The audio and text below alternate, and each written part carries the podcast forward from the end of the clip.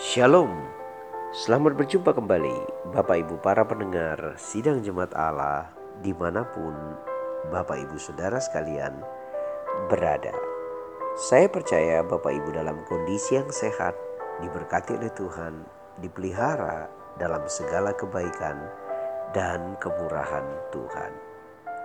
Kita akan segera mendengarkan renungan firman Tuhan dengan judul Hidup berhikmat. Bapak Ibu yang dikasih Tuhan, teks kita terambil dalam Amsal pasal yang ketiga ayat 5 sampai dengan ayat yang ke-8.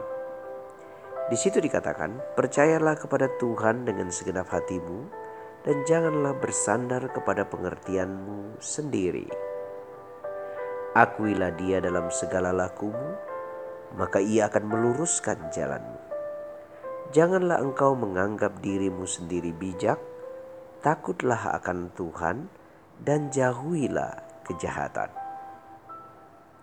Itulah yang akan menyembuhkan tubuhmu dan menyegarkan tulang-tulang. Bapak Ibu yang dikasih Tuhan, di dalam kehidupan kita, kita sering mendengar orang berkata, "Mari hiduplah berhikmat." Nah, ungkapan ini tentunya akan menolong kita untuk mengerti bagian firman Tuhan ini. Hikmat artinya kebijaksanaan yang kita peroleh daripada Tuhan. Nah, kebijaksanaan ini akan menuntun kita dalam menghadapi setiap pergumulan, tantangan, baik dalam usaha, pekerjaan, di keluarga, di rumah tangga, maupun di segala bidang kehidupan kita. Nah, bagaimana kita hidup berhikmat menurut Alkitab? Teks Amsal pasal 3 ayat 5 sampai 8 memberikan kita beberapa gambaran sehingga kita dapat hidup berhikmat. Jika kita ingin hidup berhikmat, maka yang pertama, Percayalah kepada Tuhan dengan segenap hati kita. Dan janganlah bersandar kepada pengertian kita sendiri. Jadi ternyata untuk menjalani hidup berhikmat kita harus mempercayai Tuhan dengan segenap hati kita, pikiran kita, tenaga kita, akal budi kita, bahkan seluruh kehidupan kita dan janganlah bersandar pada pengertian kita sendiri. Kita sering kali bertanya tentang kehidupan. Banyak hal yang mungkin kita tidak mengerti, tapi kita hanya bisa lalui dengan percaya. Mungkin Bapak Ibu sedang ada deal dan kontrak tertentu. Bapak Ibu belum tahu apa yang harus dilakukan, maka bergumullah di dalam doa Ambillah waktu untuk mendengarkan firman Tuhan, dan Tuhan akan menolong kita untuk memberikan kita ketenangan dalam mengambil keputusan. Itulah langkah-langkah yang saya sebut, atau firman Allah menyebutnya sebagai percaya kepada Tuhan dengan segenap hati kita. Kita tidak tahu harus bertindak apa dengan kehidupan kita yang sedang dalam masa yang sulit ini. Maka kita percaya kepada Tuhan, kita duduk di kaki Tuhan, mendengarkan firman Tuhan, mendengarkan masukan-masukan yang rohani. Nah, itulah yang disebut percaya kepada Tuhan dengan segenap hatimu. Artinya adalah dalam menjalankan kehidupan ini kita tidak berjalan berdasarkan apa yang kita lihat, apa yang kita tahu, apa yang kita pahami saja, tetapi kita lalui dengan percaya. Itulah sebabnya Bapak Ibu Saudara sekalian, Tuhan mau bahwa hidup berhikmat itu dimulai ketika kita mempercayai Tuhan. Anak saya jauh pak. Saya nggak tahu siapa yang akan menjaga dia di sana. Mari percayakan hidupnya kepada Tuhan. keuangan kami sedang dalam krisis belakangan ini. Mari percayakan keuangan kita kepada Tuhan dan jangan bersandar saja pada pengertian kita sendiri, kata Alkitab. Mulailah berdoa, mulailah baca firman, mulailah merenungkan firman Tuhan, mintalah nasihat dari orang-orang yang dapat mengerti keadaan kita, dan lakukanlah yang terbaik. Itulah yang dimaksud dengan percayalah kepada Tuhan dengan segenap hatimu dan jangan bersandar dengan pengertianmu sendiri. Hidup berhikmat dapat kita peroleh selain percaya kepada Tuhan, kita juga dapat menikmati hidup berhikmat dengan mengakui Dia dalam segala laku kita, bahwa Ia akan meluruskan jalan kita. Nah, Alkitab memakai kata "akuilah Dia dalam segala lakumu" maksud akui di sini, serahkanlah dia bahwa semua yang sedang dan yang akan saya alami itu adalah karena kemurahan Tuhan, penyertaan Tuhan di dalam kehidupan sis, di dalam kehidupan saya. Susah, senang, sulit, bahagia, kemurahan Tuhan kalau saya masih bisa ada sampai hari ini. Tertekan, terlepas, sakit disembuhkan, masalah dijawab. Semua keadaan ini kita akui bahwa Tuhan turut bekerja dalam segala sesuatu mendatangkan kebaikan dalam kehidupan kita. Kita mudah untuk bersyukur di tengah tekanan dan mengakui di tengah keberhasilan kita bahwa itu semua karena kemurahan Tuhan.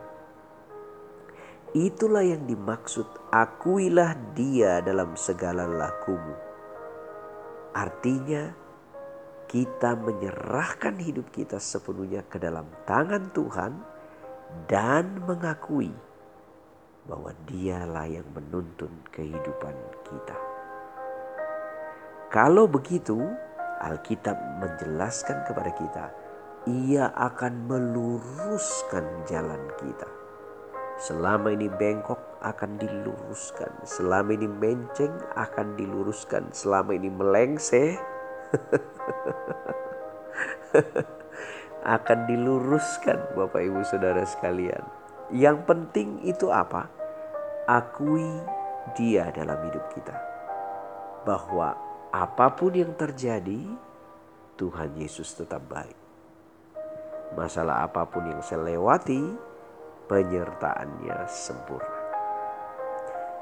Nah, Bapak Ibu Saudara, yang ketiga, jadi kalau kita ingin ber, menikmati hidup berhikmat, yang pertama, percayalah kepada Tuhan dengan segenap hati kita dan jangan bersandar pada pengertian kita sendiri.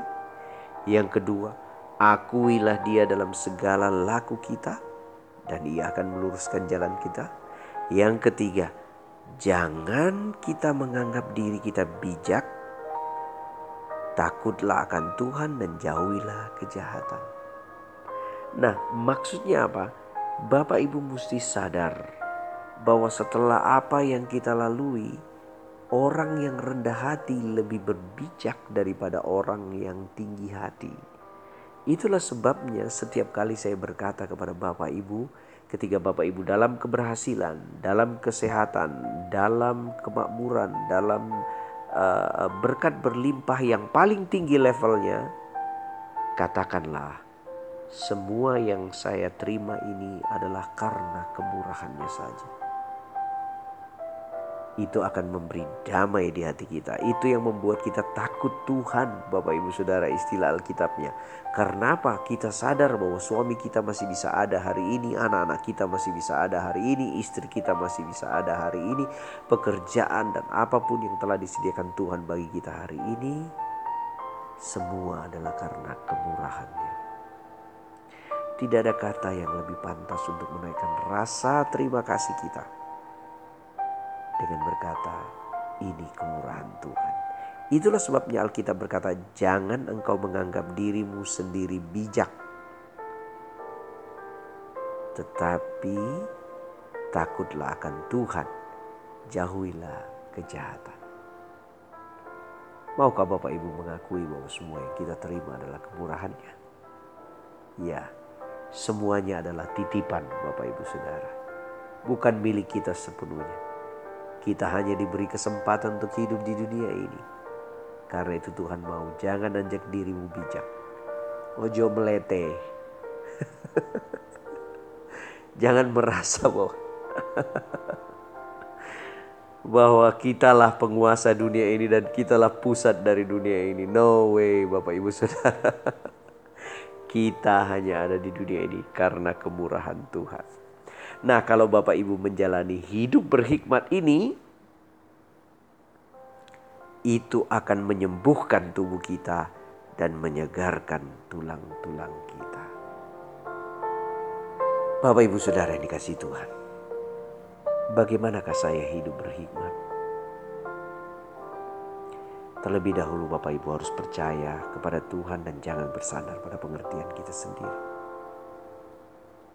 Yang kedua, akuilah dia dalam segala laku kita. Ia akan meluruskan jalan kita. Yang ketiga, janganlah menganggap diri kita bijak. Berhentilah untuk berkata karena saya. Katakanlah karena Tuhan. Bapak Ibu Saudara dikasih Tuhan, biarlah firman Tuhan hari ini menguatkan iman kita dan meneguhkan kita. Sehingga ketika kita hidup berhikmat, Alkitab berkata, itu akan menyembuhkan tubuh kita dan menyegarkan tulang-tulang kita. Tuhan Yesus memberkati kita Bapak Ibu Saudara sekalian. Terimalah berkat sehat, kuat, dan panjang umur damai sejahtera, sukacita menjadi bagian kita. Apa pun yang kita sentuh dan kerjakan, Tuhan membuatnya berhasil. Amin.